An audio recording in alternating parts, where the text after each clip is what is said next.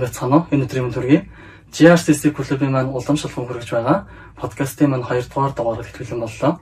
Өнөөдрийн маань подкастын хостоор GRCC клубын гишүүн Баярмаа болон миний бие дордсоо доноор хөтлөх болно. Хөтлөх болно.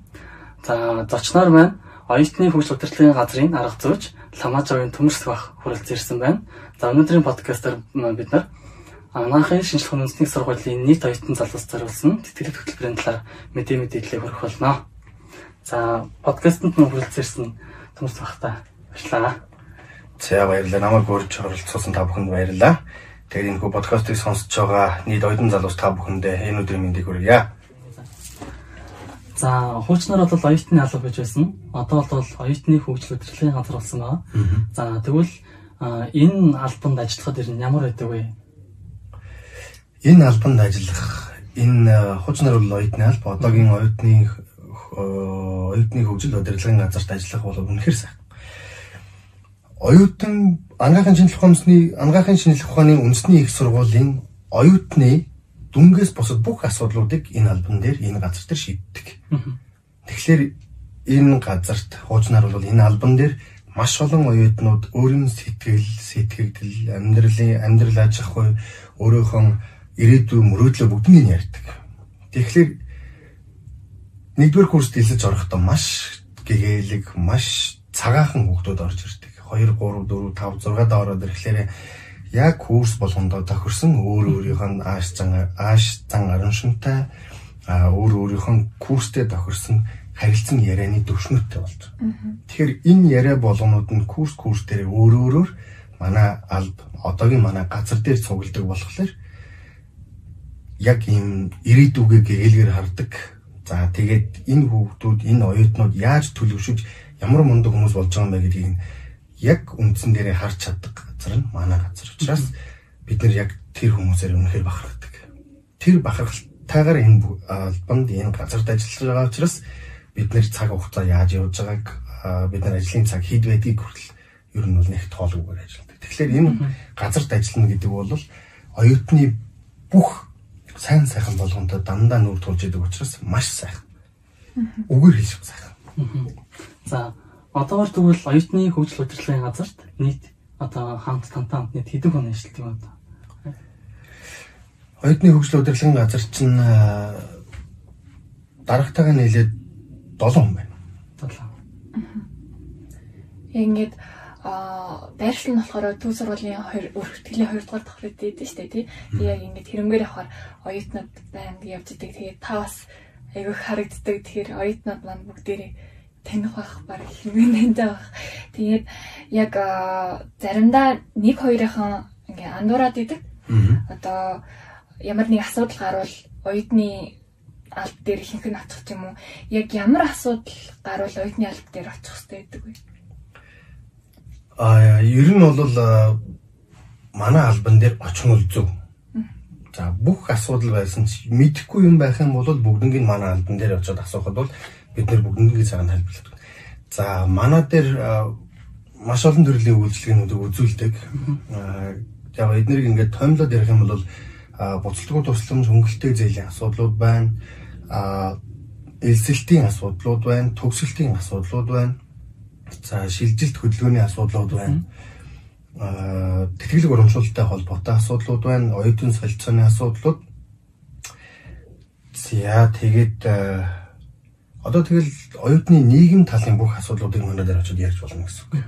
Тийм. Тэгэхээр нийтдээ нэг ойролцоогоор 44 төрлийн үйлчилгээг манайхаа өгдөг. Аа тэрийг ингээд бүгднийг ярих юм бол өнөөдрийн хэдүүлээ бас цагаараа хүрхгүй бах тийм ээ. Тийм учраас тодорхой сайн сайнны асуудлуудыг бол яг манай албан дээр шийдүүлээд аваад тавьж болно гэсэн үг. За энэ талаар нэг тэтгэлэгт хөтөлбөрийн талаас мэдээлэл өргөдгсөн. Тэгэхээр одоо бүгд яг энэ талаараа илүү сайхан тодруулаад тэгээд яриа өргөжлүүлж байна. За ер нь бол оюутан залуус нэг тийм ерөнхий бодолтой байдаг аахгүй юу? Нэг дөр курст орж ирж байгаа хүмүүс эсвэл 2 3 даа сурж байгаа ч гэсэн тэтгэлэгт одоо ингээд заавалчгүй тийм мундаг, тийм год, тийм одоо ингээд амар тийм скил сайтай хүмүүс авах тийм төсөлтөө. Өөрөө амар голдог. Би тэтгэлэг авахд миний одоо нэг юм юу хүрхгүй одоо голч ч юм уу эсвэл би өөрөө авч чадахгүй гэсэн нүртэй тэгэл муу байдаг аахгүй юу хүмүүс. Тэгээд яг уул нь нэг өөрөө материалаар бүрдүүлээд өгч юм уу авахар тийм хэмжээ байдаг ч гэсэн өөрөө үнэлж үнэлж үнэлдэг. Эсвэл яаж ингэж материалаар бүрдүүлэх үү хаанаас мэдээлэл авах уу гэдэг талаар мэдээлэлэр нь хомс байдаг аахгүй юу надад. Тэгэхээр энэ талаар ер нь оюутнууд их шинэ юу гэж зөвлөх вэ? Би нэг юм бол хэлж чадна. Анагаахын шинжлэх ухааны үндэсний их сургуульд тэнэг хүн ордоггүй байхгүй Энэ сургуульд орж байгаа бүх оюутан 10 жилдээ дандаа өөрийнхөө сургуулиудын дандаа сорон явсан хүмүүс ордог. Хамгийн мундаг нь хамгийн шилдэгүүд нь бүгдээрээ анагаахын шинжлэх ухааны үндэсний их сургууль руу ордог. Тэгэхээр энэ 78 жилийн түүхтэй энэ их нэр хүндтэй сургуульд хамгийн чанартай, хамгийн хатуу чанга эрдэм боловсролыг олж авах гэж байгаа хүмүүс үү те. Энэ хүмүүс маань хизээч өөрсдөө голж болохгүй. Дахиад хэлье. Анагаахын шинжлэх ухааны үндэсний сургуульд хамгийн сорууд нь орж ирдэг. Тэгэхээр энэ сургууль дотор юмыг чадахгүй хүн гэж байхгүй байхгүй. Тэ? Энэ сургуулийн оюутан болгон аливаа зүйлийг хэрвээ хийхийг хүсгэл юм бол бүгдийг хийж чадна. Тэтгэлийг авах бол бас тодорхой хэмжээний шалгууртай, ойлгомжтой. Бүх тэтгэлэг өөр өөр гэсэн шалгууртай. Тэр шалгуурыг хэрвээ манай сургуулийн оюутнууд энэ тэтгэлгийг авахын тулд би энэ шалгуурыг хангах ёстой гэд өөрөө зүтгэх юм бол хинэн ч авч чадна голч дүнгийн асуудлууд байдаг тийм. Голч дүнгийн асуудлууд эсэ бичүүлдэг, зарим нэгэн сайн дурын үйл ажиллагаанд оролцсон байх хэрэгтэй гэдэг а зарим нэгэн уралдаан тэмцээнд яг нөгөө тэтгэлгийнхаа журмын дагуу оролцоод явдаг тийм. Ийм ийм асуудлууд бол байна байна. Шаардлагууд бол байлгүй байх. Гэтэл энэ шаардлагыг бол манай анагаахын жилхэн үндэсний сургуулийн бүх оюутан хангаж чадна. А хэн өөрийгөө дайчилж байна гэдэг ч бол тэр тэтгэлгийг би авч чадна гэж хэн зориглож байна гэдэг ч бол бүхэн зориглох юм бол манай анхаахын оюутнууд бүгдийг авч чадна. Одоо ингээд тэтгэлэг гэдэг ерөнхийдөө бол одоо ингээд айгүй олон болсон. Гэхдээ хүүхдүүд оюутнууд айгүй баг мэдж байгаа тэр мэдээллүүд нь хомс болсон. Тэгээд яагаад заавал тэтгэлэгт хамрагдах хэвээр ер нь тэтгэлэгт хамрагдах давуу талууд нь юу байдаг вэ? Тэтгэлэг болвол олон болсон зарлагдж байгаа тэтгэлгүүдийн тоо олон болсон нэг хоёрдугаар зарлагдж байгаа тэтгэлгүүдийн мэдээллийг цацж байгаа байдал нь олон нийтэд хүргэж байгаа тэр байдал нь бол нээлттэй болцсон. Аа тэгээд манайхны нэг дутагдaltaй тал нь юу вэ гэхлээр тухайн мэдээллийг мэдээллийг авахаасаа илүүтэйгээр яг нөгөө тэр поинтлж тэтгэлэг гэдгийг ингэж хайхаасаа илүүтэйгээр маш олон урт удаан хугацааг өөр юм зарцуулж цагийг зугаатай өнгөрөх юм зарцуулж байна. Тэтгэлэг гэл яг хаагаад ирэх юм бол манайхан ч н одоо сургууль дээрээс зарлж байгаа тэтгэлгүүдийг бол бүгднийг та нарт e-learning-ээр чинь явуулж дээ тийм. Би Gmail хаягаар чинь явуулж. Тэгэхээр яг албан ёсоор сургууль дээрээс зарлж байгаа бүх юмнуудыг бол тэр мэдээд авч байгаа. Гадны байгууллагуудын зарлж байгаа тэтгэлгүүд маш олон байдаг. Жишээ нь би энэ 2016 оноос хойш манай сургуулийн оюутнуудын авсан тэтгэлгүүдийг түүрлээд аваад ирлээ л дээ. Тэгэхэд 30 өөр төрлийн тэтгэлэг байна. 30 өөр төрлийн тэтгэлгийг 2016 онд 249 оюутан 2017 онд 242, 2018 онд 424, 2019 онд 263 оюутан гэх мэтлэн. Тэгэхээр манай сургуулиас оюутнууд тэтгэлгийг энэ тэндээс нь түүгээ түүгээд аваад сурцсан байна ерөнхийлөгчийн тэтгэлэг, ерөнхий сайдын тэтгэлэг за хамгийн нэрмтэйгээс нь ингээд цөөхөн хүн хадгаас нь ингээд явчих те. Жилд нэг удаа авдаг. За тэгээд манай сургуультай хамтран ажилладаг гадаадын ихтэй сургуулиудын эрүүл мэндийн байгууллагын дотоодын эрүүл мэндийн байгууллага гэх мэтлэн юм тэтгэл. За мөн захирлын нэрмжит тэтгэлэг бол та бүхэн маш сайн мэдж байгаа тийм. Жилд хоёр удаа зарлагдж байгаа. Энэний тухай мэдээллийг бүх оюутан авдаг байна. А бусад мэдээллүүдийг бол оюутанд өөрсдөө хэрэглэх хэрэгтэй бид нэр яг хуу тодорхой мэдээллүүдийг өгдөг ч гэсэн оюутнууд өөрсдөө эрэлхийлдэг байх хэрэгтэй. Миний үед нэг тийм мундаг оюутан байсан шүү дээ. Нэг ч юу ахгүй бас нэлээд оюутан байсан. Миний л мэдж байгаагаар 2 дугаар курсээс хойш төлбөр аав ээжээс аваагүй байх. Нэг тэтгэлэг аваад зурцсан оюутан бүх тэтгэлгийг ингэ түнждэг байхгүй. Яагаад үг гэвэл тэр хүн тэтгэлэг тэтгэлэг материалаа өгöd тэгээд тэтгэлгийг авч болдгийм байх гэдгийг өөрөө мэдэрсэн. Тэгэхээр хаан банкны тэтгэлэгт өгөөд, оюут толгойд өгөөд, тэ а өөр хаанаас юу зарлж байна? Дэнг фармд өгч болж байна. Ёнсойд өгч болж байна тий. Зарлж байгаа болгонд нь материалаа өгөөлөх юм бол тэгээд өөрөө яг материалаа шаардсан шаардлагын дагуу өгөх юм бол тэтгэлэг авах магадлал маш өндөр байна. Зарим зарим гадаадын ихтэй зургуулиудаас тэгдэг штеп. Монгол улсаас Монгол улсын оюутнуудаас ийм тэтгэлгийг зарланаа. А нэг бол Монгол улсын оюутнуудад ийм боломжийг бид нар олгоно. Гэхдээ Ангаахын шинжилгээ ухааны үндэсний сургуулийн оюутан байвал давуу талтай. Яагаад юм бэ? Энэ сургуулийн оюутнуудыг бүгдийг хийж чадна гэдэг мэдээд байгаа. Гэтэл оюутнууд маань өөрсдөө тэрийг эргэлхийлэхгүй байна. Эргэлхийлээрээ та нарт боломж нь бол маш өндөр байгаа шүү гэж. За одоо нэг сайн та хэллээ шүү дээ. 16-оноос хойш ингэ тэтгэлүүдийн хэмжээ зарлагдлаа гэдэг яг нэг тэтгэлийн хэмжээ ч гэсэн одоо өгж байгаа нэг одоо нэг сургуулийн хэлбэрийн хэмжээ ч гэсэн тийм. Тэгвэл яг таныг оюутан байх цаг авах хугацаанд яг ингээд тэтгэлгүүд нь одоо одоо байгаагаас ер нь хэр их одоо нийтдээ ч юм уу тийм зарлагддаг байсан. Тэр талаар хэр их мэдээллийг та хаанаас ирнэ олж авдаг гэсэн бэ? Тэр талаар. Жил ирэх тусам тэтгэлгүүд айгу олон болоод байгаа юм шиг надад санагдсан байхгүй юу? Энэ одоо тэтгэлэг app гээд байдаг Тэгээд тэрэн дээр болохоор шинээр зарлагдсан тэтгэлгүүдийнх нь мэдээллүүд шууд ороод ирээд идэг. Тэрнээс айгүйх мэдээлэл авч болох юм билээ. Тэгээ хараад хахад бол айгүй олон жижиг жижиг тэтгэлгүүд тэгээ гадагшаа гадаад дотоодын сургуулийн тэтгэлгүүд айгүйх байдаг. Тэгээд ер нь таныг яг сурж байхад тэгээд одоо аа ингээд тэтгэлэг яаж өөрчлөгдсөн бэ? Тэр талаар та ярьж өгөөд.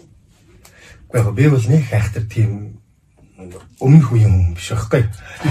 Нэг 10 жилийн өмнө би чинь оюутан байсан шүү дээ тий. Тэгэхээр яг тухайн үед бол гэхдээ яг одоогийнхтай адилхан бүх мэдээллийг юм нээлттэй цацдаг байгаагүй байх гэж би ойлгодог. Эсвэл би өөрөө тэрийг эрэлхийлээд олж авч чаддаггүй байсан баг. Би түрүү хэлсэн тий. Миний үеийн нэг оюутан 2 дугаар курсээс хойш аав ээжээсээ төлбөрөө аваагүй байх. Тэгэхээр яг тэрийг тухайн чиглэлийг тэтгэлэг гэдгийг өөрөө эргэлхийлээд хайгаад олж чадчихсан хүнд бол мэдээлэл байсан.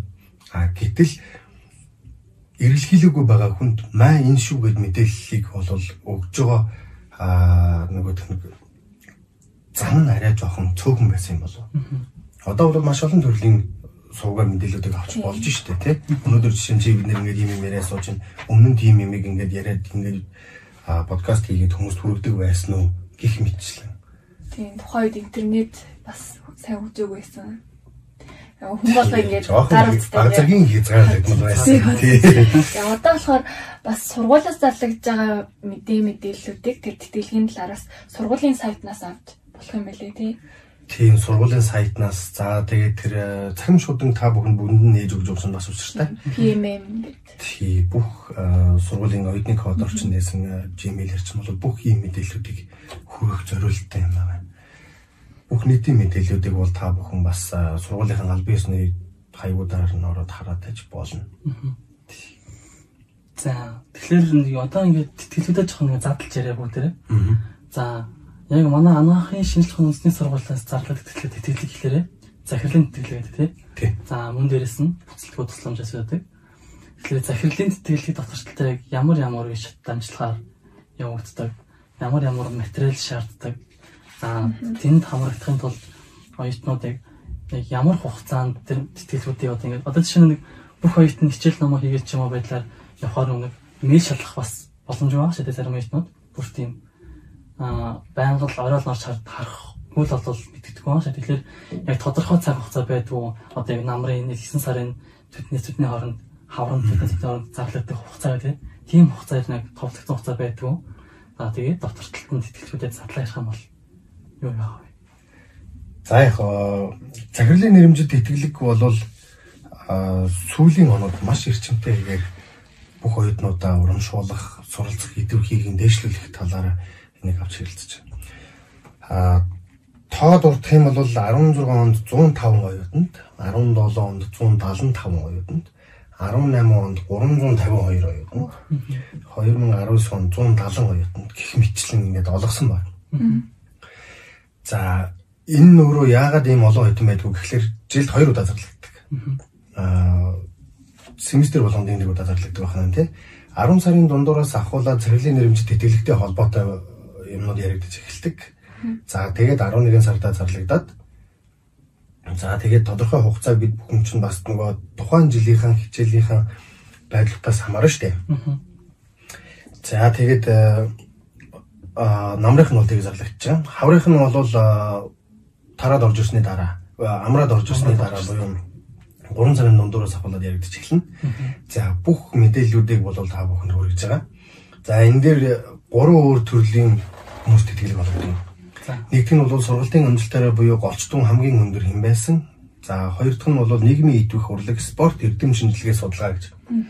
Аа гурав дахь нь бол нийгмийн халамжийн чиглэлээр гэж ярьж байна. Аа тэгээд э, сурлагыг бол голч дүнгээ харна. За ер нь бол энэ семестр болгондоо ямар ямар сурсан те тэр болгоныг харж үзнэ. Нийгмийн идэвх урлаг, спорт, эрдэм шинжилгээ гэх юм бол энэ хүн ер нь нийгмийнхаа тал дээр ямар хүн юм бэ? эрдэм шинжилгээний ажлуудыг аль хэрэгждэг юм. Улс олон улсын хэмжээнд яаж бичсэн? За хэдийг бичсэн. За урлаг спортороо сургуулийнхаа нэрийг олонний олонд яаж хүргэсэн?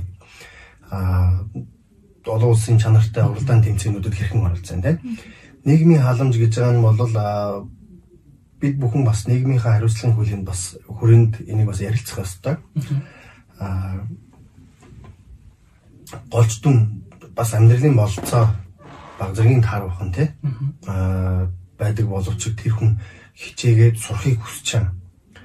Тэр хүслийнхээ дагуугаар тэр хүн өндөр болчтой а бүх юм бэлэн байгаа хүүхдтэй ялгаагүй өндөр болчтой сурч ийн гэдэг бол тэр хүн бусдаас илүү их хүчин чармал гаргаж байгаа гэсэн. Ажил хийдэг оюутнууд байдаг те. За яг хүний амьдрал маш баялаг учраас бүх зүйлүүд тохиолдож болдог. А энэ дээр бол тухайн хүүхдэд баг зэргийн дэмжлэг хэрэгтэй байгааг илтгэсэн тэр хүүхдүүд бол өөрсдөө хүсэлтэд өгч болдог. Тэгээд тэр хүсэлтийн дагуу бид бүхэн бас тодорхой шалгуур тавиад тэр шалгуур тэнцсэн хүүхдүүдэд бол тэтгэлэг болгодог гэсэн үг. За тэтгэлэг зарлагдахад тавигдсан шаардлагуудыг хангасан байх хэрэгтэй. За ингээд тавиг заасан хугацааны туршид бүх оюутнууд хүсэлтэд өгөх эрхтэй. А гэхдээ нэг жилд нэг л удаа тэтгэлэг авна. Юу нэгдүгээр семестрт авчаад хоёрдугаар семестр дахиад авч чадахгүй нөхөн шүү дээ тий. Тий хамгийн анх эсэж зурж урж байгаа оюутан дүнгийн голч буюу энэ манай сургуулийн ямар оюутан бэ гэдгийг нь мэдэж чадлагүй чаддгүй учраас тэтгэлэг авах боломжгүй. А хоёрдугаар семестрээс авах бол өмнөх семестрийн голчороо тэтгэлэг материал авах боломжтой гэсэн үг. За цагирлын нэрмжит тэтгэлэг бол ийм байна. За буцалтгүй тусламж бол бид тэтгэлэг биш шүү за. Тийм. Өөр асуудал. Тэгэхээр би энийг дараа нь бас тайлбарлаад өгье. За. За манай сургуультай хамтран ажилладаг гадаадын байгууллагуудаас гэх юм бол CLWH гэж эмнэлэг ер нь бол уламжлал болгоод яваад хөгжлөө та бүхэн бүгдээрээ мэдж байгаа байх. Мэдхгүй бол одоо сонсоод байгаарай. CLWH эмнэлгийн нэрмжид тэтгэлэг гэж зарлагддаг. Энэ тэтгэлгийг жилдээ нэг удаа зарлаж байгаа. За тэрэн дээр э, материал авахч болно. Ёнсын их сургуулийн нэрмжид тэтгэлэг зарлагддаг. А одоо нөгөө Mitsubishi корпорацийн тэтгэлэг зарлагдсан 17 хүртэл хүлээж авах байсан баха. Аа. Тийм. Одоо тэрэн жишээлбэл тэрэн дээр ингэсэн байсан төлбөрийн тийм төлбөр төлөх боломжгүй тийм өрхийн орлого тааруу оюутнууд байх хэрэгтэй гэдэг тийм шаардлага байсан байхгүй юу. Тэгэхээр тэр нь заавал тийм байх хэрэгтэй юу? Голцоороо ингээ сайн, бусад юмараа сайн. Гэтэ ингээд төлбөр төлөх боломжтой хүмүүс ч гэсэн материал бүрдүүлээ тэмцэх магадлал хэр үед юм бол ер нь бол ийм тэтгэлэг өгөгч байгууллага өөрөө ямар хүн зориулсан бэ гэдэг нь чухал. Тэ? а хэрвээ яг тухайн Mitsubishi корпорациас а төлбөр төлөх боломжгүй хүмүүст болгоё гэж байгаа бол түрүүний хэлдэг захирлын нэрмж тэтгэлгийн а 3 дахь бүлэг хүмүүст буюу а амьдралын тодорхой шаардлага болмоос бид бүхэн тэтгэлэг авах хүсэлтэй байна гэдэг үгийг баталж чадж байгаа тэр хүмүүст өгнө гэсэн үг. Тийм. Тэгэхээр бас хэдүүлээ тэтгэлэг зарлж байгаа байгууллагуудынхаа нөгөө эрх ашиг бас харж үзэх бүр болохгүй тийм. За одоо ингээд ихэнх тэтгэлгүүд анаахт ашигс зарлагдж байгаа тэтгэлгүүд танай нөгөө оюутны хөгжил удирдлагын хөгжил удирдлагын газараар дамжуул дамжаад тэгээ оюутнуудад зарлагддаг тийм үү? Тий. Гадаадын ихтэй сургуулиуд гадаадын байгууллагуудаас ирсэн тэтгэлгийн мэдээллүүд бол эхлээд гадаад харилцаанд гар дамждаг. Гадаад харилцаанд гадаад харилцаан дээрээс манай газар дээр ирээд тэгээд манай газраас та бүхэн одоо бүх нийт зарлагдана гэсэн үг. За одоо ингээд зарлагдчихвал оюутнууд материалаа бүрдүүлээд оюутны алба руу хөрвүүлэх үү? Тэтгэлэг болгон өөр өөр янз юм л да. Аа цахимаар материалуудыг авдаг байж болно. Ярилцлага хийдэг байж болно. Аа нэг бол цаасан материал өгдөг байж болно. Цаасан материалыг бол одоо бол манайх бүгд ингэ авна гэсэн үг. Манай газар дээр бүх материалууд ирээд тэр материалуудыг бид нар бүгднийг ингээд материал бүрдүүлж аваад дутуу байвал буцааж явуулаад энийгээ бүрдүүлж бүрдүүлж эргэж явуулаад бүх материалууд нь бүрэн гүйцэд болсон хүмүүсийн материалыг тухайн тэтгэлгийг шалгаруулж байгаа ажлын хэсэгт нөгөн гэсэн үг. Аа би бодохдоо болохоор сургууль дотроо ингэ шигсчээд тэгээд шигснийгаа цаашаа явуулдаг гэж утсан байхгүй юу? Тийм. Энд чинь нөгөө тэгэл нэг тэтгэлэг болгон ондоо гэдэг нь байхгүй. Аа зарим тэтгэлгүүд шууд бүх хүмүүсийн материалыг өөрөөр өөрөдөө авдаг гэж болно тийм ээ. 100 хүүхэд төгсөн ч 200 хүүхэд төгсөн ч тухайн байгууллага өөрөө сонгодог гэж болно. Аа манахаас ажлын хэсэг гаргаад тухайн ажлын хэсэг дээр ийм ийм шаардлагыг хангасан ийм ийм хамгийн шилдэг хүүхдүүдэд биднэрт өгөө гэх юм бол манахаас гарсан ажлын хэсгүүдээр аваад явуулж болно гэсэн. Энэ бол ганцхан оюутны хөгжил удирдлагын газар ажлын хэсэгт нь багтгаасаа гадна дахиад өөр хүмүүс бас ордог. Аа гадаад харилцаанаас хүмүүс орж байна. Багш нараас орж байна те. Тэгээд манай газраас орно төсөлтөө өмнөх сургалтын алба гэж бууж байсан. Одоо төсөлтөө өмнөх сургалтын боловсрол зохицуулалтын газар те. Энэ газраас ингээд хүмүүс орох жишээ нь тухайн тэтгэлэг өөрөө ямар онцлогтой вэ гэдгээс л хамаарч байгаа. Тэгэхээр яг бүх тэтгэлгийг нэг шугамар ингэж ингэж явна гэхгүйгээр тэтгэлэгт өөрөө ямар шаардлага тавьсан байна уу? Та бүхэн зарлж байгаа мэдээллүүдийн донд юу юу очисон байна уу гэдгээс л хамаарна гэсэн үг. За би энэ дээр асуухсан зүйл нь болохоор одоо тэтгэлгийн шаардлагыг эсээ бичих хэрэгтэй гэж идэг, бичиг баримт бүрдүүлэх хэрэгтэй гэж идэг. Тэгээд эсээ дээр яг яаж бичвэл эсээнийхээ агуулга нь ямар айвал илүү их ингэ шалгарах магадaltaй байдаг вэ? Юун дээр анхаарах хэрэгтэй гэдэг юм бол эссег болвол хүмүүс маш олон янзаар бичиж болдог. Эхлэлээсээ ахуулаад эссений төгсгөл хүртэл тодорхой агуулга бүхий маш олон утга агуулга бүхий өгүүлбэрүүдийг багтаагаад тэгээд тухайн тэтгэлгийн шаардж байгаа шаардлагын дагуу ямар мэдээллүүдийг багтаах ёстой тэрийг л оруулж болно гэсэн. Аа эсэн дээр хамгийн эхлээд өөрийгөө танилцуулна. Тэгээд нэг тим юм ярина, араас нь тим юм ярина, тэгээд төгсгөлд нь тим юм ярина гэсэн ойлголтыг бол тухайн хүн өөрөө шийднэ гэсэн. Эсэг хэрхэн бичих талаар дараа нь манай газраас нэг тодорхой мэдээллүүдийг өгөх юм. За тэгэхээр тэрэн дээр бас нэг өмнө нь хэлэхэд бол эсэг яаж чихэлж болдог. Миний би тэр авахтаа тэр нь одоо айлын ууган хүү болоод тэр тэр хотын тэр газарт нь тэгж мэдлжээ гэж хэлж болж.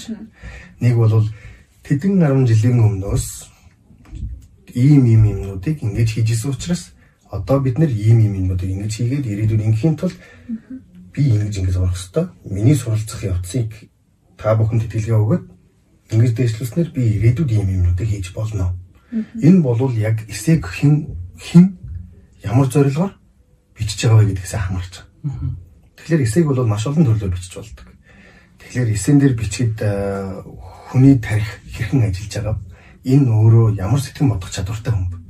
Дээрээс нь бичгийн бичгийн чадвар нь аль хэрвээ гэдгийг давхар давхар харж болдог.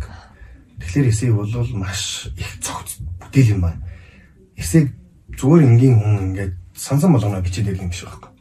Эсэн дээр ийм утга агуулгыг ингэж гаргах юм байна энэ агуулгыг гаргах учраас дараа нь энийг ингээд гаргачих юм байна. Тэгээд ийм юм хилцэн, ийм юм хилцэн учраас төгсгөлд нь би ийм юм бичих хэрэгтэй юм байна гэдэг юмнуудыг гаргаад ирдэг байхгүй. Тэгэхээр таны эсэйг хараад 500 хүүхдээ, 1000 хүүхдээ, 2000 хүүхдээ хидж байж болно те. Таны эсэйг хараад чиний хэлэх гэж байгаа утга агуулгыг бүрэн дүрэнд ойлгож байна. Аа тэгээд бас баримт бүрдүүлэл дээр нийгмийн идэх аюух хардаг штэ тий. Яг нөгөө тэтгэлгээс хамаарат. Тэгээд нийгмийн идэх дээр жишээлбэл одоо спорт байна. Тэгээд бас одоо сайн үеийн аяа маань хийдсэн гэсэн ингээд тэгэхээр хэрвээ ингээд тэтгэлэг авахыг хүсэж байгаа хүмүүс бол баг жилээс өмнө ингээд харцсан тэрдгээр үйл ажиллагаа одоо үйл ажиллагаад ингээ хамрагдаад явж явах хэрэгтэй байна. Тэгэхээр Одоо нэг оюутан чинь нэгдэж шлээ. Нэг тийм гадуур зарлагддаг нийгмийн ажиллагаанд оролцдог идэвх оюутан байдаг. А гэхдээ одоо ингээл яг хав зүгээр тэнд оролцоод явж байгаа нэг өөртөө нэг тийм гоё явуулвчиг тэрийгэ баталгаажуулж ирнэ авдаг юм л та. Эсвэл баталгаажуулж авдаг байлаа гэхэд тэрийгэ хадгалаад одоо ингээд хадгалж авдаг. Тэгтлээ ингээд тэтгэлээ зарлагдаад тим тим тэтгэлэгдэн дээр одоо ингээд тим тим материал хэрэгтэй гэж очих гэхээр өөрт нэг материалны дуцчихдаг хаанс хомддгүү.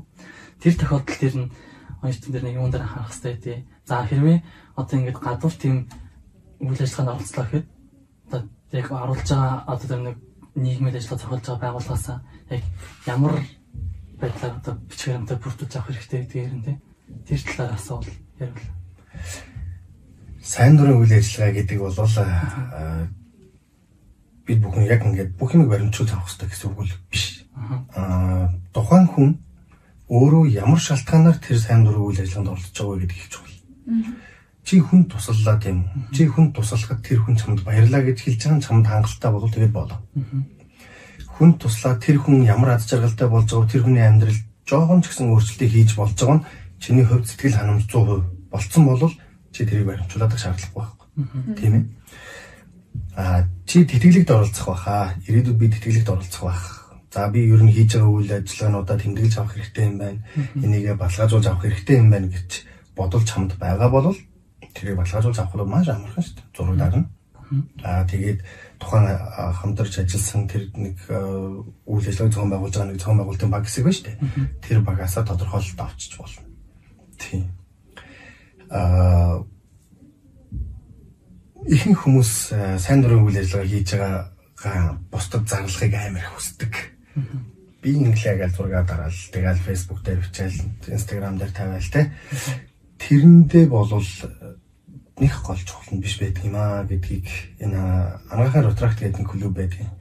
Тэр клубд явснаас хойш их сайн ойлгосон.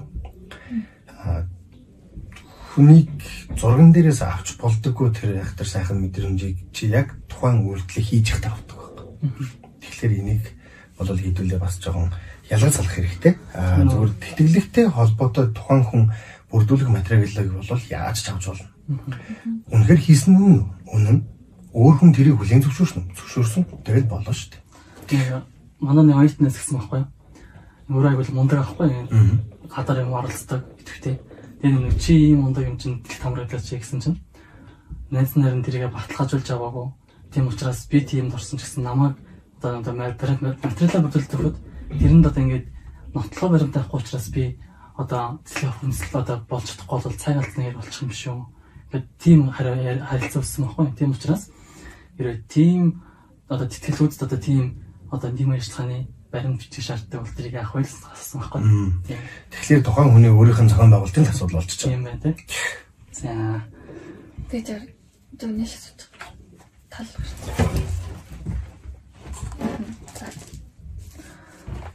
Тэгээ аюу гой хоёрын сууцглаар би аюу гой жижигхан гарч ин дээ ашгүй. харин тий. За. Мм яг анагаахын шинжилх ухааны сургууль дээр одоо нэг юм одоо одоо гэрээтэй гэж хэлэх юм уу эсвэл одоо одоо үйл ажиллагаа ярьж зохион байгуулдаг, харьяат тэтгэл өгдөг тийм. Ямар ямар байгууллага байна. Одоо миний мэдх юм бол Denk Farm байна. Тэгээд Хаан банк бол байж байдаг гэж бодсон. Хаан банкыг би өгдөг гэж судалсан гэхдээ тэрийг бас сайн мэдгүй. Хамс Denk Farm Хаан банк гэж байна. Тэгээд энэ нэрээс өөр ямар байгууллага байдаг вэ? Аа 30-аад тэтгэлэг байна. За энэ бол манай сургуультай яг үндсэн гэрээтэй буюу танаа сургууль заавал тэтгэлэг өгнө гэдэг бол гэдэг байгуулга нь бол их цөөхөн. Аа тэн дээр нь бол түрүүний хэлсэн те CLWH Янсе Шига а чэл эмнэлгийн тэтгэлэг байж байна. За тэгээд манай өвжмэд манай сургуулийн гранат компани шүү дээ тий. Тэр бол тэтгэлэг өгдөг. За бусад тэтгэлгүүдийг бол аа би нэг их мартагч нь амса амда бол яг манай сургууль дээр зөвхөн энэ сургуулийн оюутнуудад өгнө гэж байна. За бусад тэтгэлгүүд бол чиний ярьж байгаа хаан банк, Чингис хаан банк, Голомт банк эднэр бол өөрөө өөрсдөө тэтгэлэг зарладаг. А тэрэнд манай сургуулийн оюутнууд материал бүрдүүлж өгдөг. Тэр материал бүрдүүлж өгөхдөө сургуулаа шаардлагатай бүх материалуудаа өгдөг байхгүй юу? Тийм. За тэгээд тооцоод үзэх юм бол аймгийн аймгийн засаг даргууд өгдөг. Тухайн орон нутагт үйл ажиллагаа явуулж байгаа уурхайнууд өгдөг. За олон улсын байгууллагууд тодорхой тодорхой хугацаанд манай дээр ирж тэтгэлгүүд зарладаг. За сүүл жишээ нь G-Mobile-тай очиж уулзахад тэтгэлэг зарлах, тэтгэлэг нэрмжит тэтгэлэг тэтгэлгийг зарлах, за түрүүнтэй холбоотой тодорхой мэдээллүүдийг эргээд хэдүүлээ ярилцъя. Ер нь бол анагаахын шинжилгээ ухааны үндэсний их сургуулийн оюутнуудад тэтгэлэг өгөхөд хизээд бид нээлттэй аа мундаг оюутнууд байдаг учраас бид нар бол тэтгэлэг олоход бол харамтаад ах зүйл байхгүй гэдэг зүйлүүдийг бол байн хийдэг. Тийм. За зориг сангийн тэтгэлэг эднэр хоёр бол манай сургуулиас бараг аваад уламжлал болчихлоо шүү дээ тийм. Ер нь зарлж байгаа тэтгэлэг болгон дээр манай сургуулийн оюутнууд бүгдээрээ маш сайн оролцдог. Оролцсон газар болгоноос нь тэтгэлэг авдаг. Тийм. Тэгж л болох хэрэгтэй. За нөгөө нэг аа захирлын тэтгэлэг дээр одоо энэ нэг одоо баг гараад ажилладаг гэж байгаа шээ тий. Одоо хөгжлийн газраас тэгэл тэр одоо ажиллах тэр багийг аа яг тийм оюутны хөгжлийн удирдлагын газраас сонгодог уу эсвэл одоо дээрэс захирлуудын зөвлөлөөс ч юм уу яг тим тим тим хүн орно гэж ирсэн зааж өгсөн байт юм болоо. Тий, энэ ч бүр тушаал гардаг. Аа. За энэ энэ энэ энэ энэ хүмүүс энэ энэ албаны энэ энэ газрын энэ энэ хүмүүс за энэ үйл ажиллагааг зохион байгуул энэ үйл ажиллагааг материалыг цуглуулах, материалыг шалгах, зарлах, гардуулах гэд ийм дөрвөн өөр үе шаттайгаар үйл ажиллагаануудыг зохион байгуулаарай. Тэгэхээр бүр асуусан захирлын тушаал гардаг байхгүй. Тэгээд захирлын тушаал дээрээ болохоор ийм ийм шаардлагуудыг тавь, ийм ийм үйлдэлүүдийг хийх ёстой. Энэ энэ хүмүүс нь ийм ийм энд орж байгаа хүмүүс нь өөрсдөө ийм ийм шаардлагуудыг хангасан байх ёстой гэх мэт. Тэгэхээр энэ шаардлагуудыг бүгднгийн цаанаас нь буюу одоо энэ манай удирдлагын аппаратаас тавьж өгдөг гэсэн бид хэд э, болол яг үр гөрөөл өнөртөө оролцдог ч гэсэн дангаараа бүгдийг шийддэг юм биш гэсэн үг байна. Тэгэхээр цагирлын нэрмж тэтгэлэг өөрөө маш нэрмтэй тэтгэлэг тийм. Тэгэхээр энэ нэрмтэй тэтгэлгийг хэн авах вэ гэдгийг манай удирдлагын аппарат өөрсдөө шийддэг гэсэн үг байхгүй. Ямар хүмүүст энийг өгөх ёстой юм бэ? Яавал шудраг явагдах юм, яавал нээлттэй явагдах юм те. Энэ бүх талаас нь харж үзэж хагаад тэгээд нэг ажил хэсэг байгуулдаг гэсэн үг. За одоо миний судалснаар удахгүй ойрын хугацаанд одоо энэ подкаст цацагцнаас ойрын хугацаанд болох нь Mitsubishi тэтгэлэг байна. Тэгээд захирлын нэрмж тэтгэлэг зарлагддаг байгаа. Тэгээд ерөнхийлөгч ерөнхий сайдын тэтгэлэг 11 12 сард болдог зарлагддаг байгаа. Тэгээд нэгдүгээр курсынханд зориулсан ерөнхийдөө нэгдүгээр курсынханаас авдаг тэтгэлгүүд гэвэл JCI энэ тэтгэлэг байгаа. Шинэ оюутан тэтгэлэг гэж байгаа. Зөв тэтгэлэг, оюут толгойн тэтгэлэг, хаан банкгийн тэтгэлгүүд байгаа. Тэгээд бас номин, номин супермаркет бас 3 дугаар 3-аас дээш курсынх нь бас тэтгэлэг болох юм билээ. Тэгээд тэтгэлэг авчих юм бол давуу талууд гэвэл мэдээд санхүүгийн дэмжлэг болдог. Тэгээд тэтгэлэг одоо жишээлбэл том том зориг сан гэл JCI гэдэг тэтгэлгүүцэн тэнцүү хүмүүс нь ингээд тодорхой хугацаатай тэнгуүтлээ төсөл мөсөл бичдэг юм билий. Төсөл бичгээр ингээд бусад бас шалгарсан хүмүүстэй нэг баг болоод хамтарч төсөл дээр ажиллах, төсөл бичиж сурна. Тэгээд тийм шалгарсан мундаг мундаг хүмүүстэй хамт ажилласнаар бас айгүй их олон юм сурдаг гэж найзаасаа сонссон. Тэгээд бас ингээд тийм том тэтгэлгүүцээ дараа нь ямар нэгэн юмд хэрэг болдог CV дээр нэмэлт бонус болдог гэж хэлж болно. Яа тэгвэл айгүй их тууштай тийм хичээнгүй байсан гэдгийг илтгэх юм байлээ. Тийм. Зориг сангийн тэтгэлэг бол нэг давуу тал нь нэг дан ганц ангах биш. Одоо санхүүчд юм уу мөөс хүмүүнлэж тийм үү тий. Газар газар сургуулийн оюутнууд ирээд тэр хүмүүсийг ингээд хэсэг хэсгэр бүнд нэг баг групп болоод тэгэхээр нэг эдийн засгийн мэдлэгтэй, ангахын мэдлэгтэй одоо нэг хот төлөвлөж юм уу тийм ч төсөлөрлөхэд тийм тийм олон олон оюутны нэртэй учраас тэр хүмүүс одоо мэрэгжил нь өөрчлөсөн хамтдаа нэг баг болоод нэг гар болж ажиллах тэр нөхцөлийг аягүй бүрдүүлж өгдөг. Дээрэс нь нэг өөрсдөө оюутнуудын нэг ингэж тодорхой цаг хуваар гаргаж өгчөө тэрэндээ нэг оюутны хөгжүүлэх чиглэлийн сургалт лекц явуулдаг учраас оюутны нэг хичээл болон тэр сургалт лекцэрийг зохицуулах цагийн хэмжээнд амиг сурдаг. Тэр талаар боломжийн санагдсан зураг зургийг санал болов. Тэгээ нэг энэ нийтийг хамарж байгаа тэтгэлэг маань өөрөө юу вэ гэхэлэр энэ яг тухайн мэрэгжил гэхээсээ илүүтэйгээр зөв хүн хүний төлөвшил энэ бүгдийг нь харж байгаа хэрэг. Тэгэхээр ирээдүйд чи ямар ч мэрэгжил эзэмшиж болно тийм. Гэхдээ ажлын байран дээр гараад чи хэн байх вэ гэдэг байхгүй. Маш мундаг хүн байх юм бол хүн өөрөө зөв байх юм бол ямар ч ажлын байран дээр юу ч хийж болдог, юу ч хийж чаддаг баг. Би бол тэтгэлгийг ингэж ойлгоод байна. Маш олон хүмүүс өөр өөр хөрөөд өгнөдөг л дээ. Санхүүгийн хувьд бас тодорхой хэмжээний хувь нэмэртэй тий. За нэр хүндийг өсгөн. За дээрэс нь тэтгэлгийг би авч чадахгүй гэж өөрийгөө сордог хүмүүс бий. Энэ бүгднийг нийлүүлээд тэр хүн яаж тэр тэтгэлгийг авахын тулд хичээж байгаа бай тээ. Цаг хугацааг тэрэнд хэрхэн зарцуулж байгаа бай. Түрүүний миний дойлонгийнх нь ярьдаг нөгөө тэр зохион байгуулалтыг хэрхэн зөв хийж байгаа вэ гэдэг нь харж. Аа чиний хэлдэг нөгөө CV-н дээр маш их дэмтэй гэдэг нь ажил олгогч байгууллага дараагийн сурах гэж байгаа байгууллага тийм тэр байгууллагууд чинь чамайг чамайг тэтгэлэг авсан байна гэдэг чинь хараад энэ хүн өөргөө зөв зохион байгуулдаг юм байна. Энэ хүн цагийг зөв юмдаа зарцуулдаг юм байна гэдгийг чинь харж байгаа учраас чамд аюу их нэмэртэй байхгүй. За. Мм юу асууж бодлоо? Оюутны хөгжлийн цагийн талаар нэг товчхон дуртай. За тэгье. Оюутны хөгжлийн зээл буцалгүй тусламжийн талаар нэг ярьчих те. Яг гэвэл энэ чинь өөрөө боловсролын зээлийн сан буюу боловсрол шинжлэх ухааны яамны харьяа боловсролын зээлийн сан гэж газраас гаралтай юмнууд маань. Буцалгүй тусламж гэдэг бол бас л түрүүнийхтэй адилхан амьдралд нь тодорхой хэмжээний асуудлууд тулгарсан буюу нийтдээ дөрвөн өөр төрлийн асуудал тулгарсан хүмүүс авч болдог. Оюутан өөрөө хөгжлийн бэрхшээлтэй. Аа оюутны эцэг нь хөгжлийн бэрхшээлтэй, аав ээж нь аль нэг нь 70% буюу түүнээс дэш эсвэл аав ээж нь хоёулаа 60% групптэй буюу хөдөлмөрийн дотор алдсан бол. За дээрэс нь бүтэн хүнчин бол за тэгээд нэг гэр бүлээс 3 оюутан бакалаврын өдрийн ангид сурж байгаа бол ийм дөрвөн дөрвөн өөр төрлийн хэсэг бүлэг хүмүүс авч болдог байхгүй. За тэгэхээр энэ дээр нь юу юу шаардлагатай байдаг вэ гэхлээр хүсэлтэд манад өгнө. Манай дээр манахаас нэг бөглөж байгаа анкет байгаа. Тэр анкетыг бөглөнө. За тэгээд өөртөө яг тухайн тэр өөртөө энэ дөрвийн айл хэсэгт нь хамаарх уу тий. Тэр тэр дэв болгонтой холбоотой шаардах материалууд нь ELF цэг хэмээн гээд буюу энэ боловсролын зээлийн сан гээд хайхлаар гараад ирнэ. Энэ вебсайтн дээр нь бүгдээрээ бичээтэй байж байгаа. Тийм. Тэгэхээр тэрийг нь харж байгаад авч болно гэсэн. За, оюутан хөгжлийн зээл гэдэг бол оюутныг ямар нэгэн санхүүгийн дарамтгүйгээр сурч төгсөхөд нь зориулсан зээл байна. Аа, энэ бол ямар нэгэн барьцаа байхгүй төгсөж гарсныхаа дараагаар 6 жилийн дотор төлж болдог. За хөдөө нутгийн томилдоор ажиллах юм бол 8 жилийн дотор тодорхой график гаргаад тэр графикийн дагуу төлөөд явдаг. За ямар нэгэн хүү байхгүй. Тэгэхээр ямар ч төлбөрийнхөө мөнгөн дээр дахиад мөнгө нэмж төлөхгүй гэсэн үг.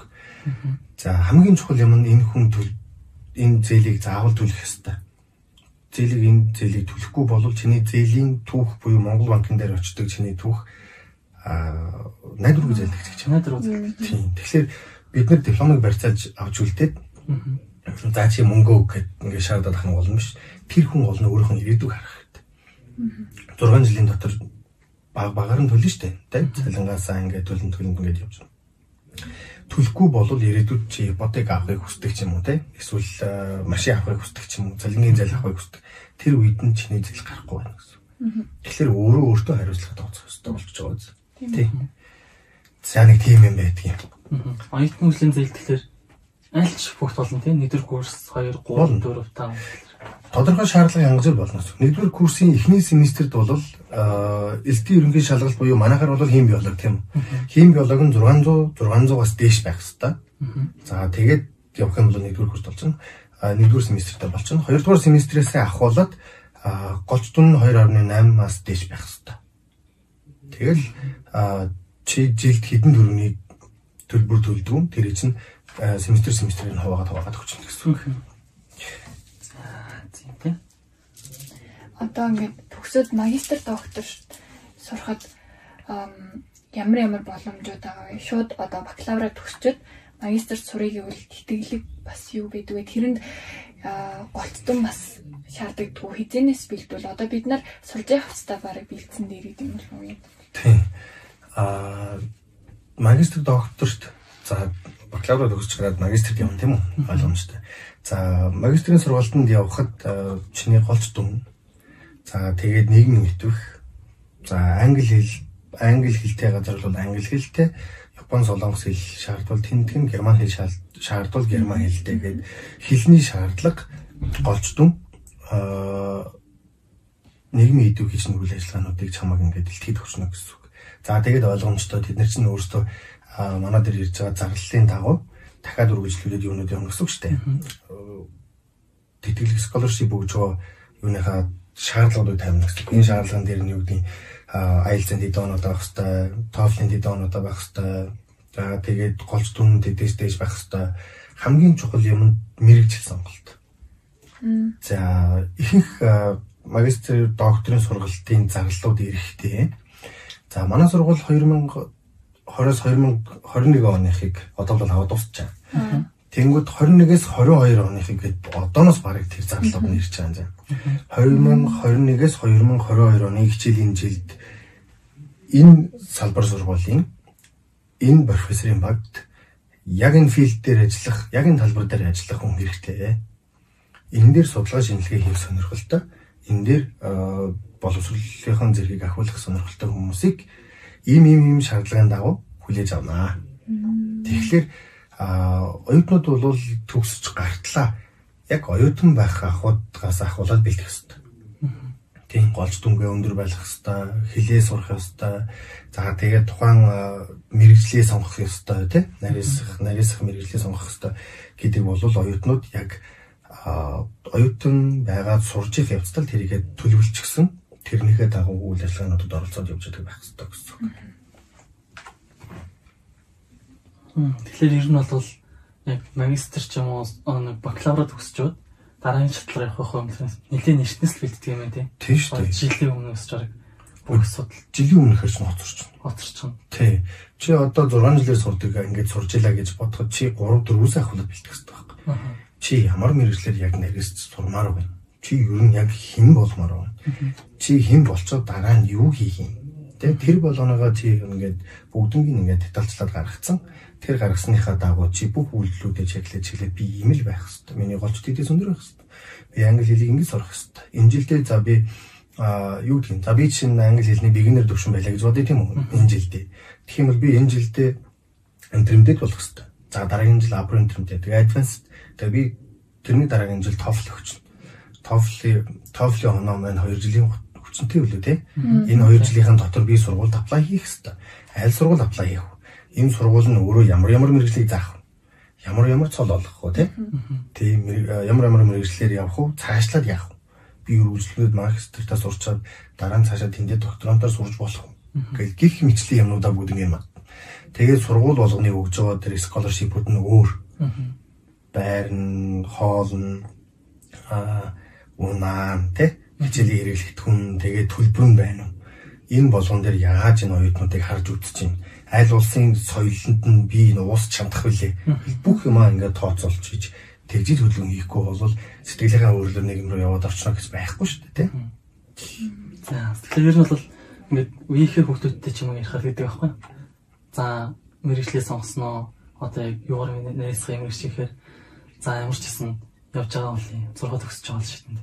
За эхлээл нэгэ төгсөж байгаа гэдэг байхгүй. Тэгэхээр ингэж бодож байгаа оюутан байх нь бол сая нэг ярианаас бас юм ойлгосон байх гэж бодож байна.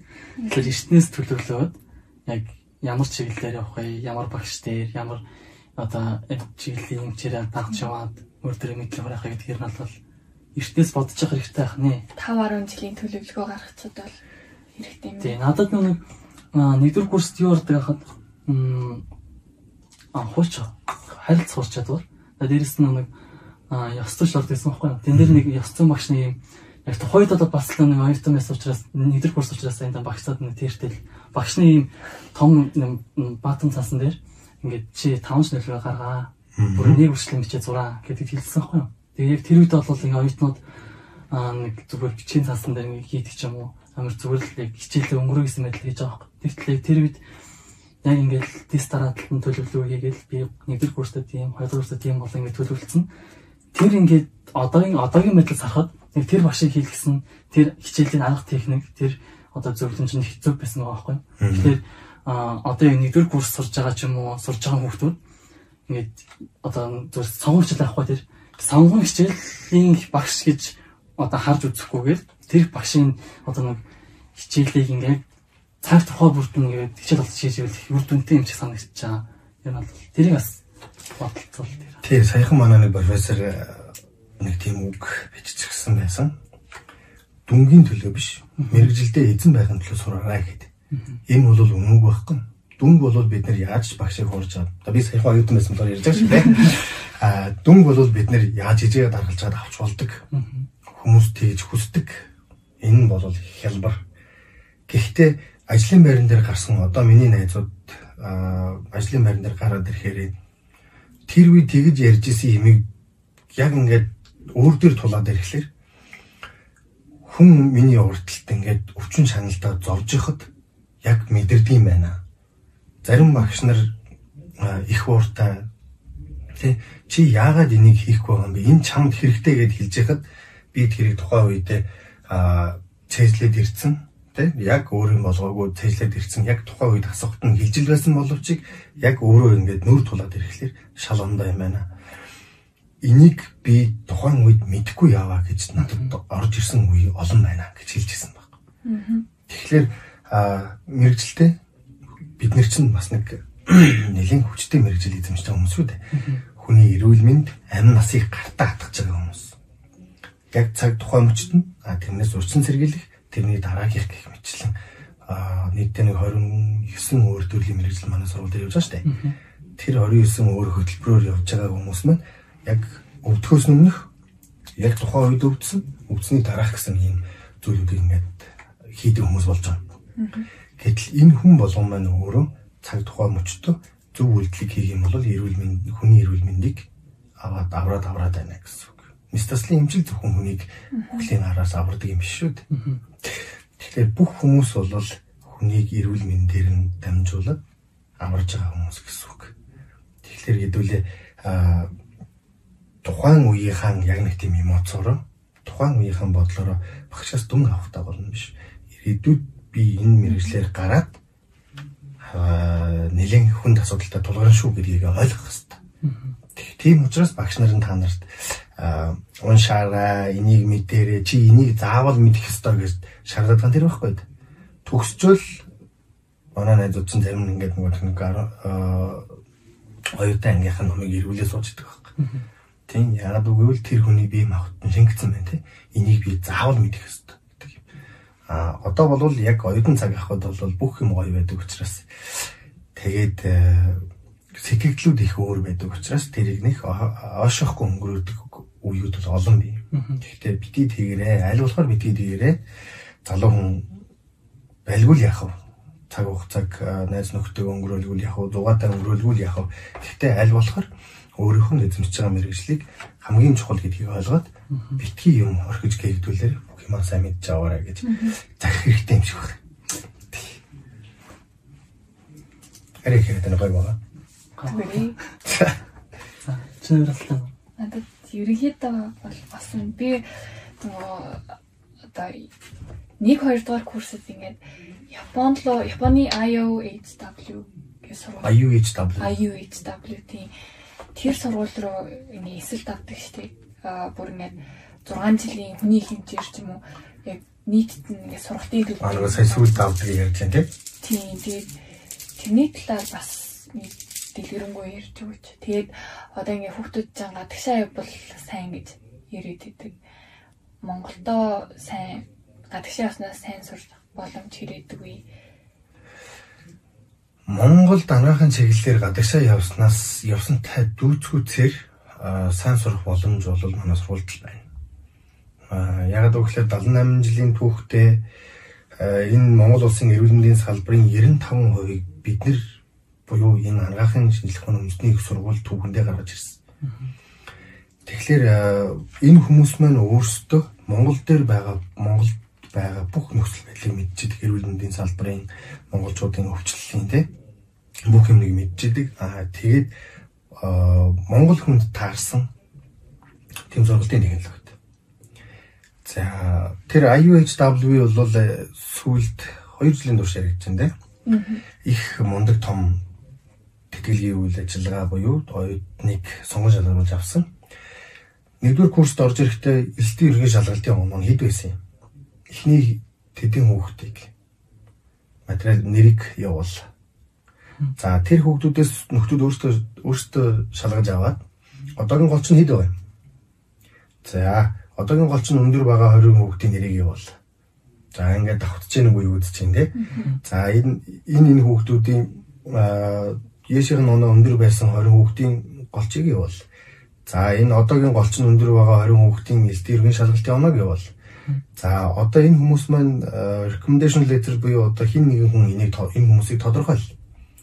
За тэгээд энэ хүмүүс маань өөрөө яг юу юу чаддгийг гээд гих мэтлэн бүх шаардлагуудыг нь авч үзэж байгаад тэгээд эцсийн дүнтэй дүнгээ шалгаруулсан баг. За энэ нь бол гадаад харилцаагаар ерөнхийдөө дамжсан. Яг тухайн үед нь бол манай Эрдэнэ албаар бол албан дээрээс шаардлагатай мэдээллүүдийг бол авч ирсэн. Бид хэд бас тодорхой оролцоотой байсан боловч яг эцсийн шалгуултан дээр бол дахиад ажлын хэсэг гарсан гэсэн үг. Тухайн байгууллагаас хүмүүс нь өртөө ирсэн. Тэгээд тэр ирсэн хүмүүс нь манай сургуулийн удирдлагад санал тавьсан баг тийм. Би энэ хүмүүсийг ингэж тодорхойлж чадах ийм ийм ийм хүмүүсийг амар байна. Багш амар байвал багш амар байна. Сургуулийн албанаас сургуулийн албанаас, оюутны албанаас оюутны албанаас гэх хүмүүс авъя Тэгээд ийм баг гаргаад ингэж ярилцаагээд тэгээд одоо шийдвэрүүд нь гараад явчихсан. Аа эн чинь бол нийт үнийн дөнгөөрөө бараг 600 сая төгрөг болчихсон багш нэг хүн дээр. Жилийн төлбөрийн тооцож үзээд, байрын тооцож үзээд, хоолны мөнгөний тооцож үзээд, унааны мөнгөний тооцож үзэхлээр нийт тэнэг 600 сая төгрөг болчихсон шүү. Тийм. Тэгэхээр тий бид бүхэн болол чадахгүй юм гэж байхгүй шүү дээ. Манай анаах оюутнууд. Тэгэхээр тэр том тэтгэлгийг бол манахаас хүүхдүүд авсан. Удахгүй тэгээд тэр мэдээлэлд нь эцсийн дүгнэлт нь хин хин байсан бэ гэдгийг зарлагдах баг та. Тэр бүхнийдээ зарлагдана гэсэн үг. За өөр асуух асуулт байна уу? Надад бол асуусан бүх зүйлийг асуучихлаа. За ямар ч гэсэн өнөөдрийн бэлтгэн хүрээндээ болохоор тодорхой оюутнууд мэдээлэл хүргэсэн байх гэж бодож байна. Оюутнууд подкастээс сонсоод сэтгэлэх гэж юм юу байдгийг хэрхэн хамруулдаг. За мөн тэгээд яг ямар ямар материал бүрдүүлээд хаана ханддаг талаар за тэгээд оюутны удирдлага хөгжлийн алба гэж юм ямар хазар байдаг хүмүүс нь яаж яаж ажилладаг талаар тодорхой мэдээлэл авсан байх гэж бодож байна. За тэгээд өнөөдрийн подкастэнд хүрэлцээрж аа бидний одоо мэдээлэл хүрэлт одоо мэдээлэл хүргэж өгсөн одоо төмс байх та. Маш баярлалаа. Баярлалаа. Та бүхнээс гэсэн энд ингээд урилцаж ураад оролцуулсанд маш их баярлалаа. Бас та тодорхой хэмжээгээр мэдээлэл өгч чадсан байхаа гэж найдаж байна. Тэгээд одоо холбоосонд хэрэгтэй холбооснуудын комент комент хэсэг дээр нь үлдээчээ. За тэгээд тэтгэлэг дээр ярих одоо подкастн дээр яригдсан ямар ямар тэтгэлэг хаана хаана зарлагддаг, хаанаас мэдээлэл олж авах хэрэгтэй байдаг. За мөн зөвчлэн одоо подкаст нэрхтэн хэрэгтэй хэрэгтэй мэдээллүүдийг бид нэр подкастныхаа дортол subscribe дээр оруулах учраас та бүхэн эндээс ерөнхий мэдээлэл авч авч болно. За ингээд манай өнөөдрийн бэлтгэсэн хоёр дахь дугаарын подкаст маань энэ хүрээд өндөрлөж байна.